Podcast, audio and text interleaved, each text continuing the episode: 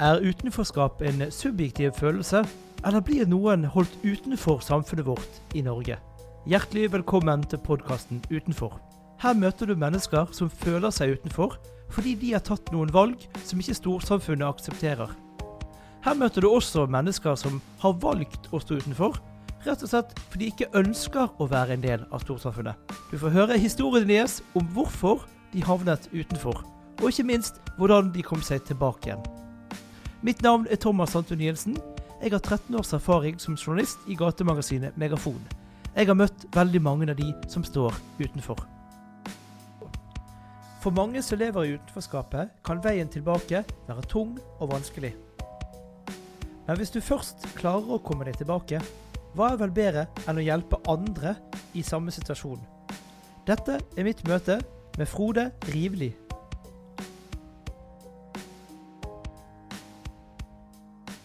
Må vel kanskje begynne med, med, vårt første møte. Det var jo i forbindelse med verdensdagen for psykisk helse. Eh, vi holdt vel et foredrag sammen om eh, psykiske problemer og psykiske lidelser på Sandviken sykehus. Og, og du, du, var jo der i kraft av å være erfaringskonsulent. Ja, det stemmer. Så, så hva vil det si å være en erfaringskonsulent? Eh, Det å være en erfaringskonsulent det er faktisk å bruke sine erfaringer, erfaringer til å hjelpe andre mennesker. Eh, og eh, der man eh, blir sett og hørt og møtt i de lidelsene man har. Ja, for du har jo en, en selv en historie innenfor psykiatrien, så jeg forstår? Ja, jeg har en eh, ganske lang historie der. Jeg, jeg ble jo syk i veldig ung alder. Jeg begynte med depresjon allerede i åtte-niårsalderen. Og siden så har det liksom bare utviklet seg med masse rare forskjellige diagnoser. Så ja. ja. Men du sa åtteårsalderen. Hvordan, hvordan utarta det seg for en åtteåring å ha depresjon? Og hvordan visste du at det var en depresjon? Uh, jeg var ikke klar over det da, men skolen, altså læreren min, uh, eller lærerinnen min hun oppdaget jo at noen ting var hakkende gale. og der ble jo det også innkalt til familiesamtaler. For jeg fungerte ikke i hele tatt i skolen. Så var utagerende og veldig dagdrømmer. Og ja, prøvde å snike meg unna det meste. Og ville på mange måter så uh, ville jeg egentlig bare være i fred. Og, det, det, skjedde så masse ting inni meg som jeg ikke hadde anelse om hva jeg skulle håndtere eller hva jeg skulle gjøre med. Så. Det høres jo nesten ut som ADHD, da? Uh, ja, jeg har jo en kraftig uh, ADHD-diagnose. den er nå plukket av meg nå. da. de kom jo til en beslutning på at det, det var omsorgssvikt som lå i bunnen. Så. Var det det? Eh, ja, eh, det var det. Det ser jeg helt klart og tydelig i dag. Så. Ja, For hva skjedde i din, i din oppvekst? da? Nei, jeg, eh, jeg, har jo to foreldre som er alkoholikere, og en mor som har vært psykisk syk. Kanskje hun er det ennå, det har jeg ingen anelse om. Men, men, og det var mye vold og, og alkohol i bildet. Mye vold. Der jeg ble utsatt for fysiske og psykiske overgrep, men også seksuelle. Da. Men ikke av foreldrene mine. Det var en nabo som skulle liksom ta vare på meg mens min mor og min far holdt på med festingen. Så. Det må jo ha satt sine spor? Ja da, det gjorde det. Jeg, eh, jeg har jo klandret meg sjøl hele livet for at det skjedde. Det var min feil. Og sånn var det eh, hadde vært mellom eh, det at foreldrene mine skilte seg også, og det som oppsto i bråket og rabalder som har vært der, har liksom vært min skyld. Jeg husker helt klart og tydelig hvordan jeg gikk og klandret meg sjøl. Det var min feil at alt skjedde. Når begynte den følelsen da? Den følelsen av skam og, og skyld? Ja, så det, det, det kom i åtteårsalderen. Min far og min mor de skilte seg da jeg var seks og et halvt. Og så eh, ble det mye styr. Jeg hadde jo bl.a. Odd Drevland som eh, barneadvokat der. og ja, det var mye spetakkel. Eller, og eh, i åtteårsalderen så begynte det å blomstre. Eller, da eh, gikk jeg inn i, i en helt annen tilstand. Jeg husker jo ikke alt helt klart og tydelig, men jeg har fragmenter eh, fra den tiden der. Eh, jeg eh, gråt meg i søvn om kveldene og hadde ikke lyst til å stå opp om morgenen. Og, ja. Så eh, jeg hadde veldig lite venner også. Eller. Så jeg var stort sett for meg sjøl. Eh, og jeg byttet jo venner som jeg eh, byttet bukse. Det var liksom Jeg ble frøst ut på en måte, for jeg var annerledes. Annerledes på hvilken måte? Nei, jeg begynte jo å utagere. Jeg var jo eh, ganske voldsom ut av meg og eh, veldig oppmerksomhetssyk. Eh, skulle være midtpunktet hele tiden. Så, eh, og jeg husker jo det, det var jo eh, stunder i enkelte bursdagsselskap jeg ikke ble invitert i eh, pga. oppførselen. Så. Hvordan var den følelsen av å på en måte ikke få være en del av fellesskapet fordi at du på en måte hadde ikke klarte å kontrollere det, dine egne følelser? Nei, det er jo et vondt sted å være. Eh, eh, det Jeg husker jo fortvilelsen også, og eh, den utest hvordan det er å, bli, å være utestengt ifra liksom eh, klassen eh, generelt. Det, det er vondt. Det er virkelig vondt. Eh, og så er det den eh, skyldfølelsen også som, som, eh, som kommer i, kjølvannet ut av dette. Eh, der man føler at, eh, eh, at det er noe feil på meg. Ja, for du, du har jo nevnt skyld mye her nå. Altså, Ja, ja. Du, du følte skyld for, for at dine foreldre drakk, du følte skyld for at dine foreldre skilte seg, og, og denne naboen som forgrep seg på deg seksuelt, og også skyld for at du havnet på utsiden. Mm, ja. Det må jo være ganske vanskelig å leve med så mye skyldfølelse.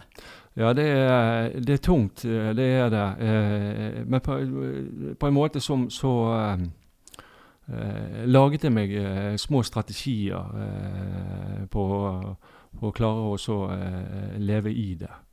Eh, eller leve med den smerten. Og, og jeg husker jo i, i, i de fire-fem neste årene hvordan, eh, hvordan det påvirket eh, meg, der jeg prøvde hele tiden å forandre meg for å passe inn. Eh, noe som jeg ikke klarte. Eh, og det endte jo da i, i det første selvmordsforsøket med overdose av tabletter allerede i 14-årsalder. Da ga jeg helt opp. Eh, da jeg tror jeg jeg hadde prøvd alt jeg kunne komme på. Eh, og det er jo eh, jeg, jeg har jo kjent skam overfor eh, familien min, altså fra foreldrene mine, og, og det eh, hele, i alle de årene der frem til 14-årsalderen. Og selvfølgelig videre også etterpå. Jeg inviterte jo ikke min far i, i selskap, eller jeg ville helst ikke ha han i nærheten. Sant? Så, sånn var det med min mor også. eh. Så, så det, og det er jo skam som, eh, som jeg er blitt eh, påført, og som jeg ikke har klart å håndtere. Som har også slått ut i masse andre ting også. Sant? Da, Så, ja. Jo, men du er på en måte fra alder 6 til 14. Du skal jo ikke håndtere disse tingene. Det er jo, det er jo det som altså det, det er jo derfor man har foreldre. For å, eller burde hatt foreldre. Burde hatt hjelpeapparat rundt seg. Det er, jo, det er jo de tingene man skal på en måte få, få hjelp til av andre voksne mennesker. Eh, ja. Eh, du vet, eh, jeg, jeg, eh, jeg har fått mange spørsmål om Var ikke noe barnevern på den tiden der? Eh, nei, det var vel ikke sånn som det er i dag. Eh, jeg husker jo det at min mor ble innkalt til en, eh, en samtale med lærerinnen, og det er liksom eh, der min mor eh, benektet eh, hva som skjedde. og Eh, og da var det liksom greit. Sant? Jeg kom jo på skolen med blåmerker på armene og alle veier etter slag. og, og det, sant? Min mor var jo veldig voldelig mot meg. Så. Eh, og det gjorde jo også at jeg, eh, jeg eh, søkte tilflukt hos eh, farforeldrene mine. Uh, og jeg husker jeg, jeg fortalte det til min farmor hva som skjedde hjemme. og Hun, hun trodde faktisk ikke helt på meg. Så ikke før jeg eh, begynte å vise merkene på kroppen. Eh, da, eh, da, da begynte hun å ta tak i det. Men sa, sa ikke du fra til lærerne, sa ikke du fra til skolen at folkens, jeg har ikke det bra? Nei. Du vet Der også ligger jo det skam, for det, man vil jo ikke røpe noen ting. Og, og i min familie så var det sånn vi, snak, vi skulle ikke snakke om følelser, og vi skulle i hvert fall ikke snakke om det som skjedde hjemme, til andre utenfor. Eh, for det, det var forbundet med en skam. Eh, og, og det er jo det familiesystemet som, som, eh, som jeg arvet, og som har preget mitt liv eh, frem til jeg eh, fylte 41. Så, og i dag er jeg 46 år gammel. Eller, Så, Det har jo vært mange år med, med utfordringer, da. Og Ja. lite år med, med hygge. eh, ja, eh, det- det har det. Det har vært et, eh, et kjempetøft liv. Eh, eh, jeg har jo eh, Jeg fant jo rusen i ganske tidlig alder, og, og eh, eh, det var bedre for meg og, og, det ble faktisk et verktøy for å håndtere eh, depresjonen min og, og eh, eh, utenforskapet. Uh, fortvilelsen min. Uh, jeg kom i en annen eh, jeg, ble, jeg ble litt annen, annen Frode når jeg ruste meg. Ja, og så fant du også sjelevenner, altså andre folk i utenforskapet som også satt og junket med deg på en måte. Du kunne ja, finne eh, likesinnede på mange måter. Ja, for der ble jeg eh, liksom akseptert med mitt utagerende og, og eh, væremåten med frykten min og egoismen og alt jeg hadde bygget opp gjennom uh, ungdomsårene. Uh, så jeg fant en tilhørighet der, og, og jeg ble faktisk sett opp til. og jeg ble respektert på mange måter, for det om de ikke det vi egentlig kaller respekt. eh, Det er fryktstyrt respekt. Ja, for Så- du er jo en stor og svær kar. Altså, ikke, Nå ser jo ikke folk deg, men, men du er jo en stor og kraftig type som skjønner sitter seg i respekt ganske kjapt hos, eh, hos folk på utsiden. Uh, ja. Uh, jeg har vært uh, En av mine strategier har jo vært det å skal være beinar. Et øye for et øye og et tann for en tann. Eh, og det har jo vært fordi jeg har vært redd for å vise eh, hva, som er, hva jeg egentlig er. Men det klinger jo også igjen i, i rusmiljøet, der man på en måte de som kan slå neven i bordet, og det som verre er å si at nei, her går grensen, de får jo ofte respekt av de andre også. Eh, ja, man får eh, De blir redd deg. Eh, og det, eh, det er jo ganske skeivt å ta det som respekt, da. Men eh, jeg hadde veldig mange eh, eh, people pleasere rundt meg. Eh, de gjorde eh, rare ting for å liksom tilfredsstille for å være venn. For de var redd meg. Og, og det er jo ganske, ganske sykt, egentlig. Eller, Har du det i livet ditt i dag? Nei, det har jeg ikke. Jeg, jeg, lever, jeg, jeg lever et helt annet liv i dag enn jeg, har gjort tidligere.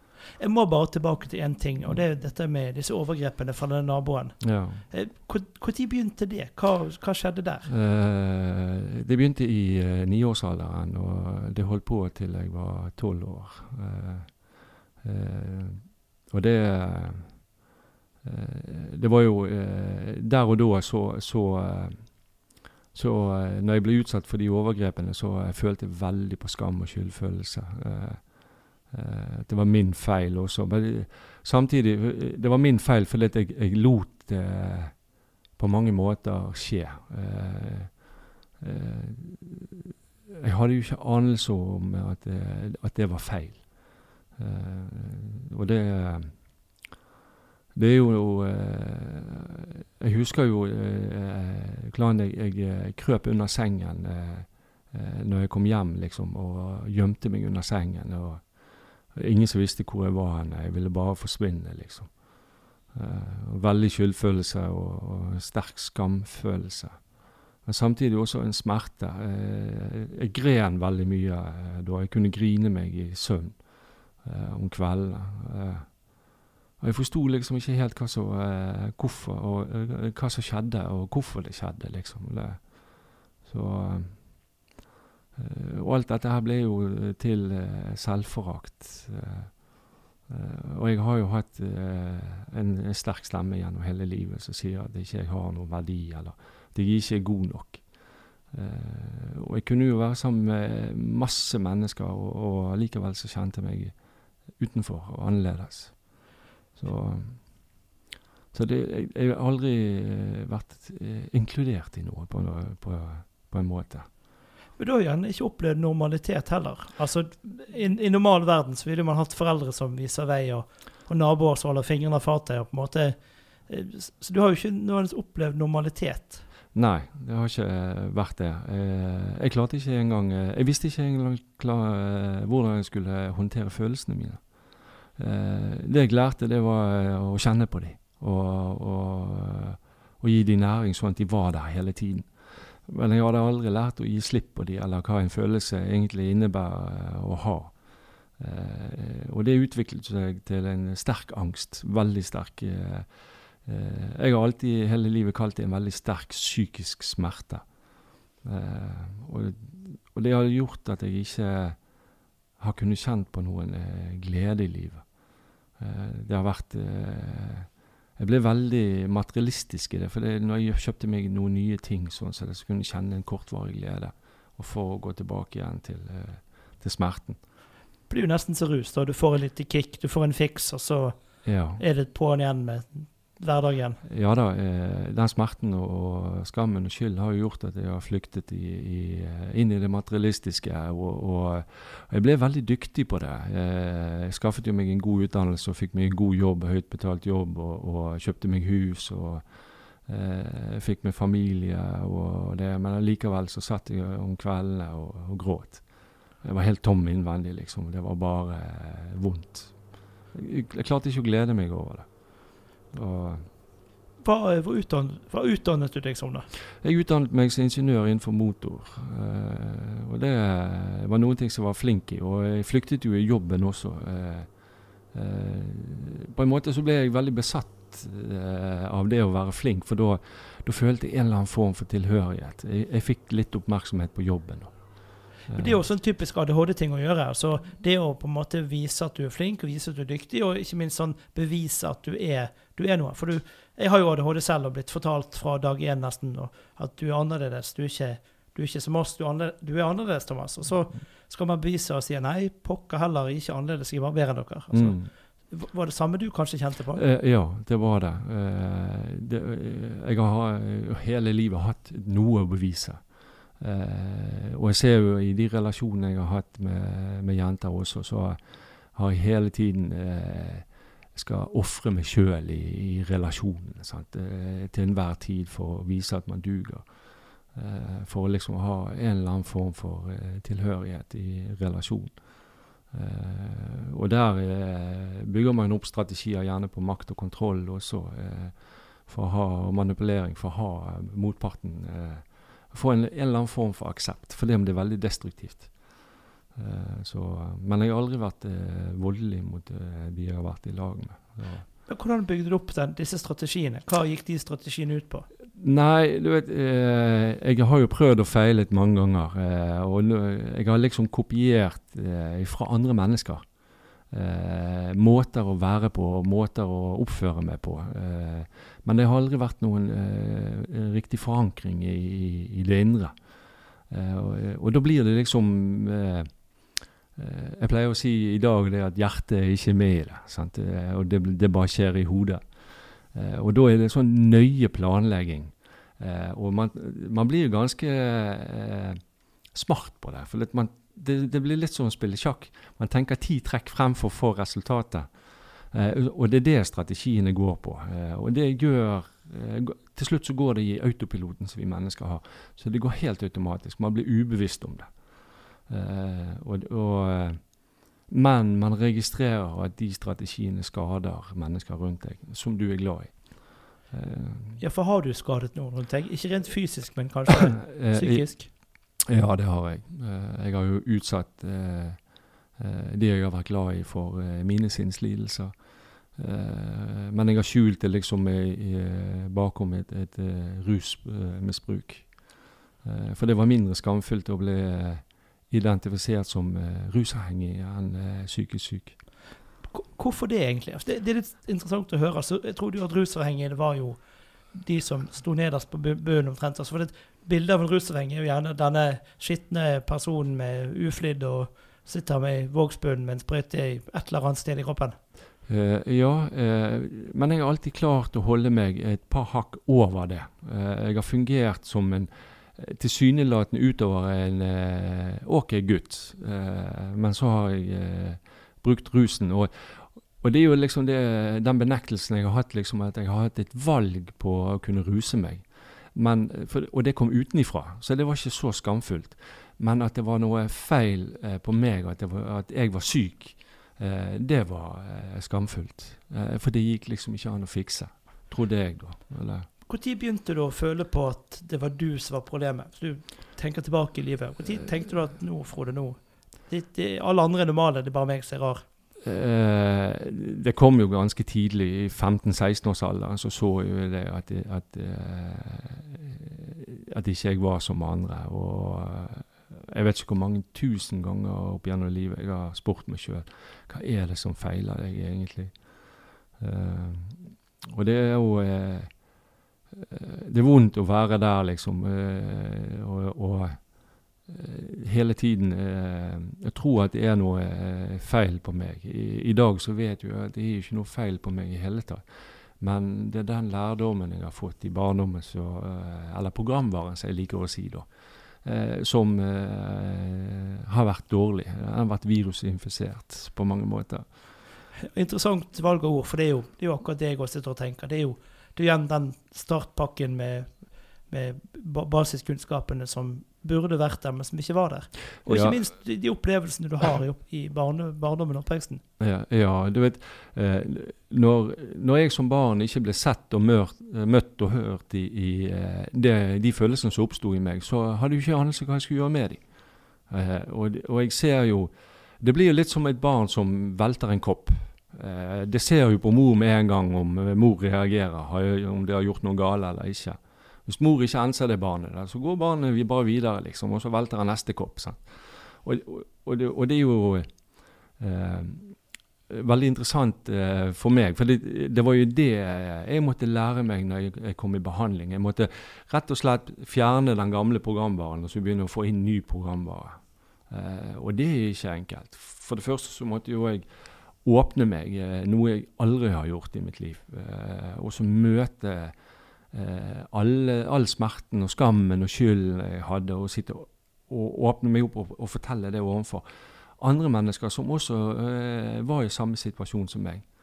Og Jeg husker hvor redd jeg var første gangen jeg, jeg åpnet meg opp og, og, bare la helt ærlig ut i, i den terapigruppen jeg var. Jeg var livredd. Eh, men så så jeg at de andre liksom, de nikket og uh, hadde forståelse for at det var sånn, og da, uh, skjedde det noe fint noe. Ja, hvordan var det den følelsen av å få aksept? Uh, jeg tror det er noe av de mest fantastiske følelsene jeg noensinne har opplevd. da følte jeg faktisk at jeg, at jeg, hadde en mulighet til å, å bli normal, i utropstegn. da. Eh, jeg har jo alltid ønsket å være som alle andre. Eh, eh, og jeg tror, det, jeg tror, det, er der jeg har virkelig gått på en bomsmell. Ikke, altså jeg må jo innrømme, Nå er ikke jeg psykolog eller jeg er jo journalist, men, men det er ikke nødvendigvis du som har gått på smell. Det er bare du som har hatt en, en uheldig oppvekst som, pre, altså, som i en, si, normal situasjon skulle jo du vært i en normal jobb i en i går som en normal person? Ja da, ja da. Eh, på, på, alle eh, mulige måter. Eh, men jeg mener at jeg, på en kanonsmell så, så, så, er det det at jeg hadde et, et, et forestilling om at jeg ønsket å være som alle andre mennesker. bli lik de. Og, og, det har jo med at jeg hele tiden har sett utover. for jeg har tatt avstand fra mitt indre. Uh, I dag så er jeg normal, men jeg er ikke som alle andre mennesker. Jeg er annerledes i dag. Jeg er meg. Og det er normalt for meg. Uh, for i dag har jeg kontakt med mitt indre. Jeg har et ganske rikt indre liv.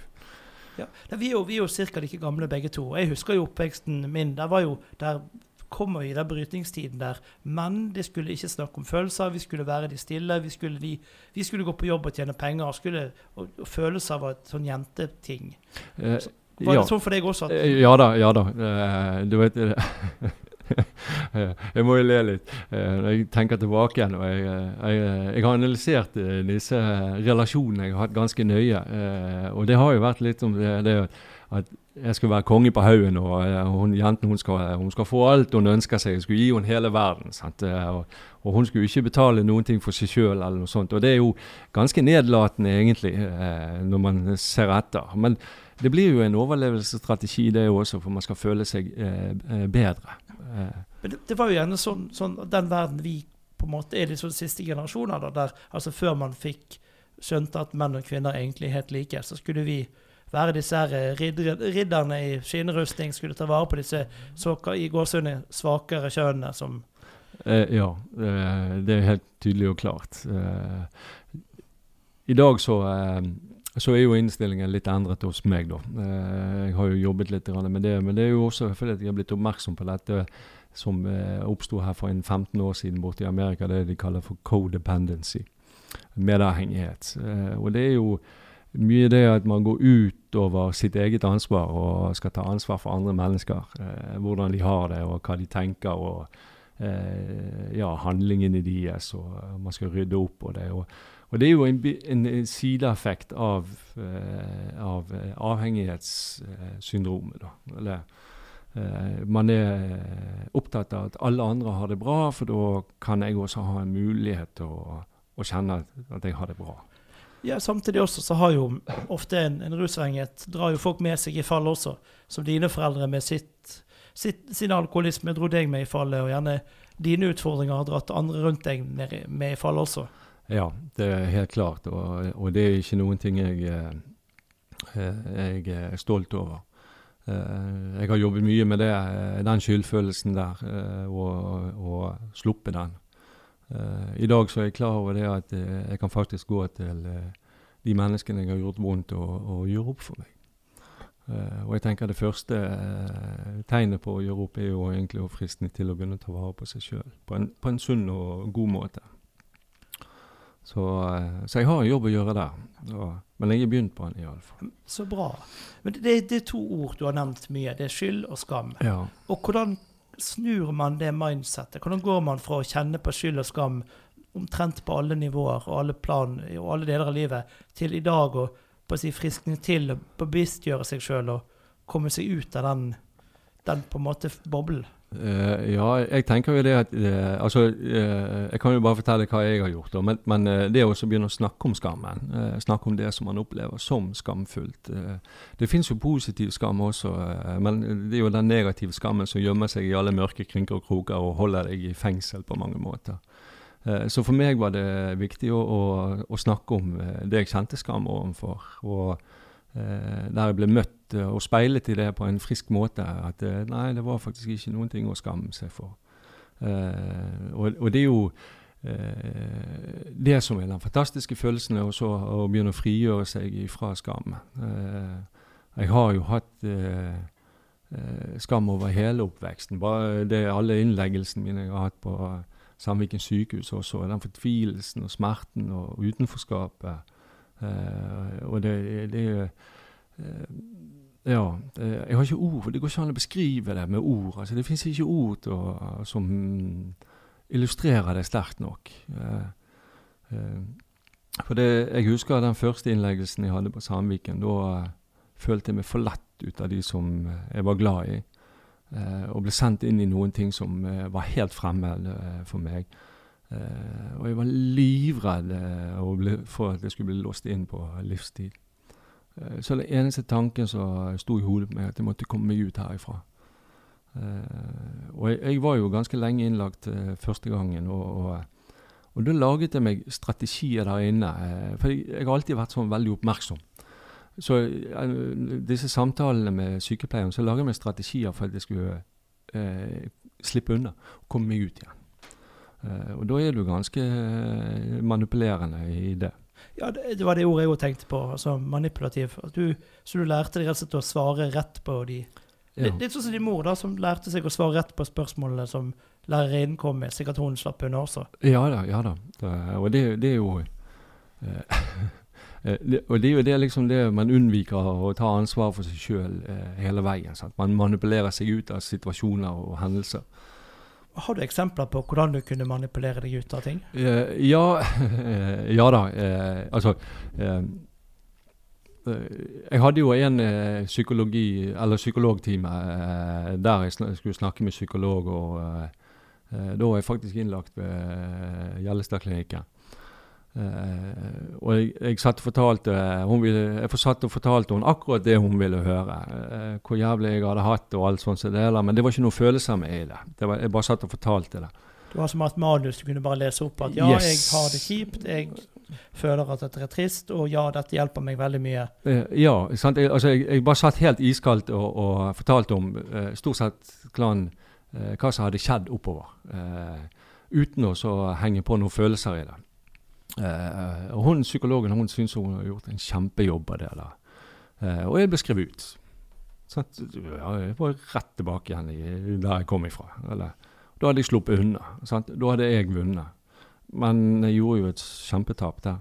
Det var jo litt sånn pisse seg sjøl i buksen, da? Det er jo det. sant? Men det, det, når man lever i en benektelse på at uh, Og man orker ikke å ta inn virkeligheten. Og det er jo det som er med mange av de sinnslidelsene jeg har hatt. Også, det er, man, man, tar avstand, man flykter. Man ønsker så mye andre ting. at det faktisk blir en virkelighet, fordi om ikke det er noe sannhet i det i hele tatt. Og, og, det er jo litt der man nå utvikler et sånt superego. Jeg kaller det et superego. Eh, for man, eh, man har eh, kun fokus på å slippe unna smerten, skammen og skylden. Og man er villig til å gjøre nesten hva som helst for det. Ja, ruse det bort, f.eks.? Ja da. Du vet, for meg ble For meg ble, kom rusen på bordet igjen når, når den indre smerten og skammen og skylden Når demningen begynte å slå sprekker. Samtidig møtte det samme på utsiden. Da, da, ble det for mye for meg. Og da trengte jeg å flykte inn i rusen for å stenge ned følelsesbegeret. Og mure igjen sprikkene, sånn at de kunne håndtere det som var på utsiden. Når sa det stopp? da? Når kom den dagen da du tenkte at vet du hva, nå, nå, er, nå går ikke det mer? Nå må vi bare innse at dette her løpet er kjørt? Ja, den første, den første sprikken, uh, den kom i 2008. da fikk jeg en herlig liten gutt Uh, og Jeg klippet navlestrengen på han og fikk han opp i armene. Og da tenkte jeg Jeg husker den, den tanken. Å, herregud, hvordan skal jeg klare å ta vare på dette barnet her når jeg ikke klarer å ta vare på meg sjøl? Uh, eh, og det, det, var begynnelsen uh, Virkelig begynnelsen på veien ned til bunnen. da ble jeg utrolig deprimert i de årene etterpå. Og jeg prøvde å jobbe og jobbe og jobbe, og jobbe for å slippe unna. men de, til slutt så Uh, til slutt klarte jeg bare ikke mer. Uh, og da ble, fikk jeg en ny innleggelse, og, uh, og jeg begynte å bruke rusen som verktøy igjen for å liksom prøve å holde meg i sjakk. Og jeg husker hun jeg var i lag med, hun sa det, men kan ikke du bare Det er jo bare å snu det. Kan ikke du bare skjerpe deg? Ja, det er den klassiske. Bare skjerp deg. Kan ikke du bare skjerpe deg? Altså, ja da, og, ta, ganger, ta, deg sammen og skjerp deg. Ja, og hvor mange ganger har ikke jeg fått beskjed om men du, er du så viljesvak, liksom? Det er jo bare å stoppe. Men det er helt umulig. Jeg har ikke noe valg i det. Uh, for det, hadde, jeg, hadde, jeg, ikke tatt rusen, så hadde jeg gått og tatt livet av meg. Uh, og det har jo historien min. Jeg har jo mange selvmordsforsøk bakom meg, og selvmord. Der, der jeg faktisk klart har stoppet der jeg har vært klinisk død. Uh, men jeg har vært heldig og hatt mennesker, flinke mennesker nært på meg. Og det sier jo litt om, om hvor sterk smerten og, skammen og skylden og hvordan det driver deg til selvmord. Og det er jo ikke sånn at jeg har hatt noe inn, innerste, innerste ønske mitt har aldri vært å dø. Jeg ville bare ha fred. og jeg, jeg husker eh, i slutten også. Jeg besøkte graven til min farmor og farfar også, og, og, og ba dem om hjelp, om ikke bare kunne få fred. Eh, og, ja Og det, det, gikk jo Det endte jo i total katastrofe. Jeg mistet jo alle menneskene som jeg var glad i. Eh, og jeg kjente veldig skam for det at jeg hadde eh, gjort det som jeg hadde gjort, eh, de handlingene, og, og Eh, og at jeg eh, var deprimert, og at jeg eh, brukte rusen som verktøy. Og, og når jeg mistet familien min når de reiste ut døren, da trodde jeg faktisk at jeg skulle rett og slett da skulle jeg dø ut av den smerten. Det, og det ble helt uholdbart. Så jeg stengte av alle følelsene. Jeg stengte helt ut av. Eh, eh, og, og da ble da ble liksom bare eh, fokuset på rusen. Jeg måtte ha hele tiden ligge på topp på rusen for å holde det avstengt. Uh, og, og, når man holder på sånn som det, så drar jo man oppmerksomhet fra samfunnet.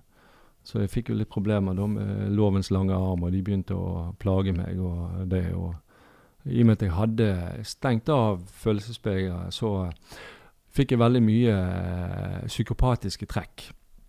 Uh, som gjorde at jeg uh, faktisk gikk til krig mot politi. Ingen lur i det. jeg trodde jo faktisk jeg skulle klare å vinne den, men det gjorde jeg ikke. Mange har prøvd den taktikken, slå ja. politiet, men de er flere, altså. De er ofte flere. og bedre utstyrt? Eh, ja, de er det. Og så eh, har jo de eh, en del midler de kan bruke eh, for å så eh, få deg i, kne. Eh, jeg tror aldri at de var ute etter å ta meg. De, I dag så ser jeg at de var ute etter å hjelpe meg. Og men jeg, jeg, jeg, fikk jo da et opphold uh, ute i Åsane. Som gjorde faktisk da at jeg begynte å fundere på om hva jeg skulle gjøre. Jeg, og da kom jeg til den, den underkjennelsen at jeg, trengte hjelp. Jeg har bare én ting som, et spørsmål som brenner i meg. rett og slett. Mm. Og det, du, du, snakket om selvmord. Mm. Du har vært klinisk død. Ja. Og kan jeg sitte her i dag og vite at det, det er tilfeldigheter. At du faktisk nå kan sitte her og se ut en uh, flott uh, høstmorgen. Ja Har du tenkt over det? Altså, hvor, hvor tilfeldig og hvor skjørt dette egentlig er? Ja, jeg, eh, mennesket er veldig skjørt. Jeg, jeg, tenker jo Ja, det, det, har jeg tenkt veldig mange ganger på. Men etter jeg kom i behandling og, og fikk tak i den livsfilosofien som jeg lever etter i dag, så tror jeg ikke på så mye på tilfeldigheter. Eh, jeg tror det er eh, mening i stort sett alt som skjer rundt oss. Eh, men det er jo for meg. Men, men det må nesten være sånn, for ellers så mister jeg tråden i tilfriskningen min. for jeg, jeg, trenger å Jeg trenger å tro på at det er eh, en åndelighet rundt oss. Altså, og Da tenker jeg ikke på religion eller noe sånt, men eh, kjærlighet, medmenneskelighet, empati. og At det, det, bor så mye godt i menneskene. Og, og det kjenner jeg selv, i meg sjøl også. Jeg er jo en kjempesnill gutt, og jeg har masse kjærlighet. Og, og, og, det, og jeg tror at måten jeg har levd på eh, frem til, til jeg kom i behandling og det, gjør at jeg er den jeg er i dag. At jeg har forståelse, og, og at jeg kan vise empati. Øh, og, og øh, være med, øh, kjenne med, medkjensle, altså medfølelse med andre mennesker som lider også. Og jeg kjenner jo Når jeg var i behandling, så kjente jeg oi, det som jeg har vært igjennom, det vil jeg aldri at min verste fiende engang skal oppleve. Og da fødtes det frøet liksom på å Eh, gjør, ta utdannelse og begynne å kanskje kunne være til hjelp for andre mennesker. Ja, for du setter ord på, på noe jeg vil kalle samfunnslimet. Altså limet som holder oss sammen. Så, ja, det er jo det limet som på en måte du egentlig får fra foreldre og venner og de rundt deg. nettopp Den kjærligheten og tryggheten og det å kunne utvikle seg sjøl som mennesker. Ja. Og og ikke du får det samfunnslimet inn med morsmelken, bokstavelig talt, så må jo det læres i ettertid. Eh, ja, og det har jo vært eh, alt annet enn en enkel vei å gå. Eh, og det ligger mye prøving og feiling i det. Eh, men i dag så er ikke jeg, eh, jeg er ikke så hard med, med meg sjøl når jeg feiler. Eh, det er lov å feile. jeg pleier å si det til de som er rundt meg, at den dagen det blir perfekt igjen, da blir jeg syk. Men det har jo det igjen dette samfunnslimet, for du er trygg på at hvis du feiler, så slipper ikke limet. Nei. Sant? Ja, det. Og det, det, er der. Det holder deg fast. og det er, Selv om du på en måte går på en liten mine, så er samfunnslimet der og passer på at du fortsatt er en del av flokken. Eh, ja da. Eh, I dag kjenner jeg jo veldig tilhørighet til samfunnet. Eh, og jeg har jo veldig mye gode mennesker rundt meg, så jeg kan ringe til når jeg lurer på noen ting, eller om jeg skal ta en beslutning og jeg er usikker på om jeg gjør det riktig, eller om jeg, det, om jeg holder på å gjøre noe feil. Altså, og Da kan jeg ta en telefon og høre, og, og, så får jeg innspill. Og, men den siste avgjørelsen er jo min på, på det valget jeg tar. Sant? Og så blir det noen konsekvenser ut av det, enten gode eller dårlige konsekvenser. Og det må jeg ta ansvar for. Uh, og jeg tror jo det uh, eller jeg tror ikke, jeg, jeg, vet for min del så er det sånn jo uh, hver gang jeg feiler, så, så har jeg en vekst i det. Uh, for jeg får en erfaring på det. Sant? Og, så, um, så, det Ja, det har skjedd veldig mye fine, fine ting de siste fire årene. Så. Ja, men Så bra, da. For du har jo hatt noen eh, 42, hvis jeg regner riktig, år uten de aller beste erfaringene, da? Ja, det har jeg. Jeg har, jeg har hatt veldig mye dårlige erfaringer. Eh, så jeg, jeg, pleier å si det nå eh, har jeg akkurat fått på meg bleien og begynt å gå. Eh. For å dra en fotballreferanse. Nå er første omgang ferdig spilt, nå har du andre omgang igjen og satser på at du vinner andre, andre omgangen. da. Ja, ja. ja. Det, det, om jeg vinner, det vet jeg ikke, men jeg er i hvert fall villig til å prøve. Så, eller, jeg tenker jo det så lenge man uh, følger hjertet sitt, så uh, begynner å leve med hjertet i, i hverdagen, så skjer det masse fine ting. Man blir mer bevisst, og man åpner opp for andre mennesker. Og, og det Jeg har jo aldri i mitt liv hatt noe tillit til andre mennesker.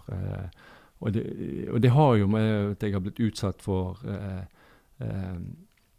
andre menneskers værende. Da. jeg vil ikke si det at, at at de har gjort noe feil. For jeg, jeg, tenker, jeg tenker, tilbake sjøl også det at det jo, For meg blir det litt sånn den store arvesynden. Ja, det jeg arvet ut av foreldrene mine, det, det var det liksom som ble meg. sant? Eh, og, og, men i mitt hode så gjorde jeg jo ikke noe feil da, eh, for det om jeg skadet andre mennesker, men det var det jeg hadde lært. sant? Det er jo Hellemyrsfolket opp igjen, da. Ja. Sant? Men på et eller annet tidspunkt så brytes jo også den sirkelen. Selv i Hellemyrsfolket så bryter jo de den sirkelen. Og Du har jo brutt den sirkelen, ja. og kan nå hjelpe andre å bryte sirkelen. Ja. Og kan det gå fra å være på en måte pasient til behandler? Uh, ja uh, Det er uh, Ja, hva følelser har jeg overfor det? ja, fantastisk. Du, ja, for da kan du bruke din erfaring og si jeg, jeg, ser du har det vondt nå, jeg ser hvor du er, men jeg har vært der selv. Altså, jeg kan, jeg kan relatere meg til den.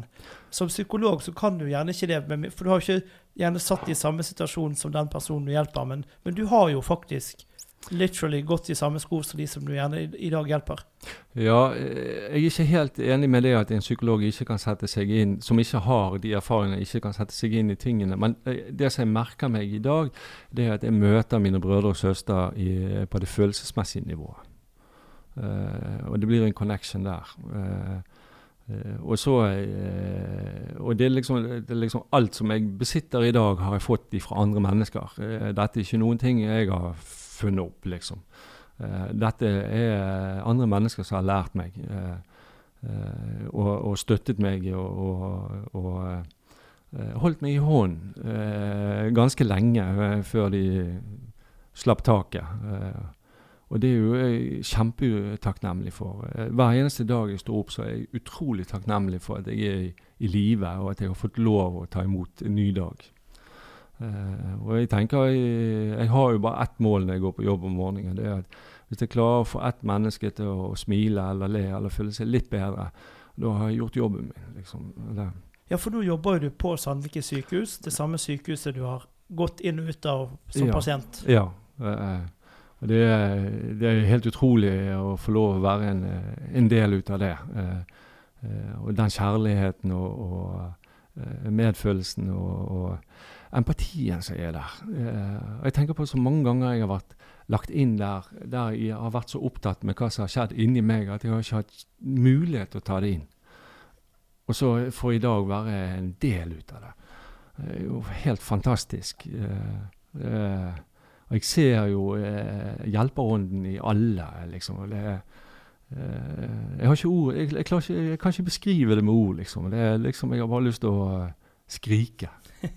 Eller, og det er fint. Eller, og det så jeg også når vi feiret verdensdagen også. Ja, kjempe, kjempekjærligheten som var i salen der. liksom, og, uh, Der man jobber sammen mot et felles mål og hjelper andre. det er Fantastisk. Ja, for under den eh, verdensdagen så gikk jo du og en, en kollega, en annen eh, kollega i samme situasjon som deg, ja. ut og lagde en film om, om, folks oppfattelse og ikke minst forståelse av psykiske lidelser. Ja. Og Hvordan var det å gå ut der og på en måte spørre folk hva de kan og vet og forstår om, om psykiske lidelser? Uh, det var veldig rart, faktisk. Uh, for uh, bare det å gå med en ID-brikke som viser at du jobber innenfor Eh, Helse Bergen eh, og ved en psykiatrisk klinikk og skal spørre andre mennesker eh, hva de tror om lidelser. det jeg opplevde da, det var det var veldig mange som ikke visste hva det var for noen ting.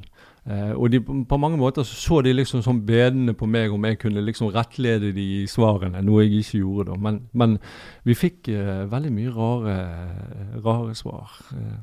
Husker du det rareste svaret du fikk? Det var, var, det noen som stakk seg ut? Jeg skal ikke, skal ikke røpe ja. noen navn her, men var det noen som stakk seg ut og ja. Det var litt sånn helt Jeg traff en uh, eldre herremann uh, som jeg gjorde et intervju med der, og han var uh, såpass ærlig. og Det kom rett fra levra. og han, eh, han, sa det som det var. Han hadde ingen anelse om uh, verken schizofreni eller mani eller psykose eller noe sånt. Og, og han sa jo det tilbake når han var på en gård i, i, på Østlandet. Så hadde de 30 sånne som de da kalte idioter. sant? og ja, så en fantastisk menneske. En flott mann. Og jeg eh, Ja, jeg faktisk jeg, jeg kjente det at jeg eh, Jeg koblet i, sammen med han. Eh, for han var helt ærlig. Og han sa jo det også jeg, jeg føler meg jo skamfull. Og, og, det er jo ikke noe som man skal gjøre. For det, å kjenne skam over at man ikke vet, da, det er ikke bra. Da, men det, jeg tenker jo eh, hele den sammensetningen der på filmen viser jo at det fremdeles er utenforskap i samfunnet når det gjelder psykiske lidelser. For mennesker som har psykiske lidelser, og inkludert meg sjøl også, vi er mennesker som lider og, og har det vondt. Det er ikke noe sånn at vi ønsker å gå ut og så, være stygg med andre eller skal ta livet av andre eller noe sånt. Så det, noen er jo selvfølgelig sykere enn andre, men, men de fleste de, de håndterer ikke følelsene sine. Eller? Hvis du skal gi et råd til eh, mennesker som hører på nå, kanskje, kanskje kjenner litt på samme følelsen som du gjør, hva råd vil du gi dem? Ja, eh, jeg vil eh, Da vil jeg gi de rådet til å, å slippe alle kravene. Eh, man trenger bare å være seg sjøl. Eh, man trenger ikke å prestere mer enn det som man eh, trenger å gjøre for å leve. Altså, man trenger ikke være noe annet enn, en, Eller være det som andre vil at du skal være. Eh, og, og det er viktig å være åpne seg opp. Eh, dele med seg og tørre å vise hvem man egentlig er. Eh, jeg kjenner jo meg utrolig sårbar når jeg sitter her eh, med deg, Thomas. Det gjør jeg. Eh, men det er fint. for jeg vet det at og jeg stoler på det at OK, du tar imot meg hvis jeg skulle begynne å vakle. Og, og, det er jo den tilliten som er der. Og, og, det er jo fordi at jeg, jeg tør å være åpen. Sant? Jeg har jo hele livet blitt redd for å bli avslørt. Eh, I dag så avslører jeg meg sjøl, eh, og det er sånn det må være. Da, da, har jeg ikke noen ting å skjule. Da kan jeg være Her er jeg. OK, jeg har mine sinnslidelser. Ja da. Jeg er symptomfri i dag, og jeg kan hjelpe andre. Og, og, men jeg kan også hjelpe meg sjøl. Eh, så, så, mitt beste råd er å være seg sjøl. Tørre å være seg sjøl. Slippe alle krav og forventninger som eh, Jeg vil ikke si at kanskje på en måte samfunnet legger på oss, men jeg tror de verste kravene og forventningene er de vi legger på oss sjøl. At vi skal være så sinnssykt gode på alt mulig. Da, ja. Jeg tror vi lar det være rett og slett siste ord, for du har ja. så fine ord. Takk for en veldig fin prat. Takk, Sjøl takk, Thomas. Eller, da har vi kommet til veis ende. Tusen takk for at du har hørt hele podkasten. Hvis du liker podkasten utenfor, trykk på abonner-knappen. Der får du et varsel hver eneste gang det kommer en ny episode av podkasten. Følg oss gjerne på Facebook også. Der heter vi Utenfor podkast. Podkasten blir produsert av Tidig Media i samarbeid med Mainstream. Sjekk også ut andre podkaster fra Mainstream på mainstream.as. Musikken den ble komponert og produsert av Jørn Lavoll i Draum Studio. Vi to høres igjen neste mandag.